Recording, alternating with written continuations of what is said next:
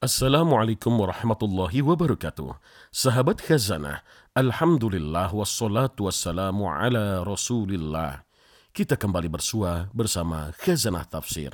Dan kali ini kita akan melanjutkan kajian tafsir surat Al-Ma'un dalam episode ketiga yang merupakan episode terakhir. Surat Al-Ma'un adalah surat yang menjelaskan hakikat para pendusta agama karakter utama mereka adalah sewenang-wenang kepada anak yatim dan tidak mau menolong orang miskin.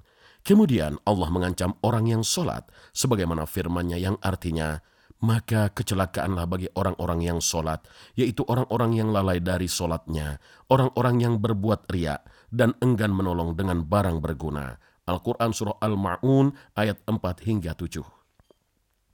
Ibnu Abbas mengatakan bahwa makna yang dimaksud dalam surat Al-Ma'un ayat 4 hingga 6 ini adalah orang-orang munafik. Mereka mengerjakan sholat saat bersama orang lain, namun tidak mengerjakannya ketika sendirian. Ruh-ruh mereka tidak menghadirkan hakikat sholat dan hakikat bacaan-bacaan, doa-doa, dan zikir yang ada dalam sholat. Mereka melakukan sholat hanya gerakannya. Inilah sholatnya orang munafik.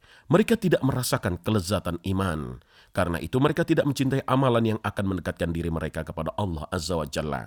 Mereka melakukan amalan ibadah karena ingin dilihat oleh orang lain yang disebut dengan ria. Ria adalah sesuatu yang tidak terlihat atau bersifat abstrak, sangat sulit dideteksi oleh orang lain, bahkan yang bersangkutan sendiri sering tidak menyadarinya. Ria diibaratkan sebagai semut kecil hitam berjalan dengan perlahan di tengah kelamnya malam di tubuh seseorang. Ria penyebab rusaknya ibadah kita dan hilangnya makna ibadah. Banyak dari kita yang tidak menyadari bahwa kita sering kali berbuat riak dengan cara bercerita atas kebaikan yang telah kita lakukan, menganggap diri paling baik dengan kalimat pembuka misalnya, bukannya mau sombong ya. Ada juga yang menulis status di media sosial tentang ibadah yang dilakukannya.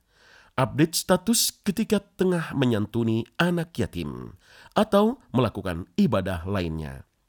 Begitu tipis bedanya antara ingin menyiarkan kebaikan sebagai contoh atau membanggakan diri mereka.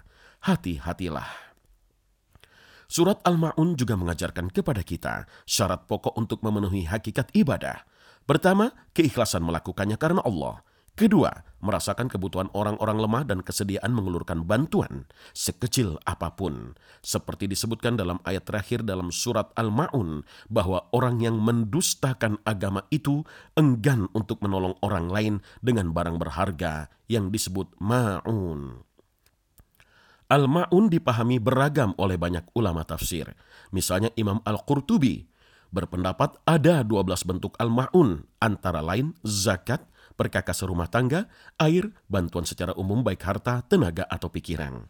Semua ibadah yang kita lakukan tidak sekedar merupakan penghambaan kepada Allah semata, melainkan semua ibadah kita harus berdampak kepada kehidupan sosial, menjadikan kita orang yang sangat peduli dengan orang lain. Inilah pesan inti dari surat Al-Ma'un. Semoga uraian singkat tafsir surah Al-Ma'un ini menjadi pelajaran bagi kita semua supaya tetap istiqomah di jalan yang lurus. Wassalamualaikum warahmatullahi wabarakatuh.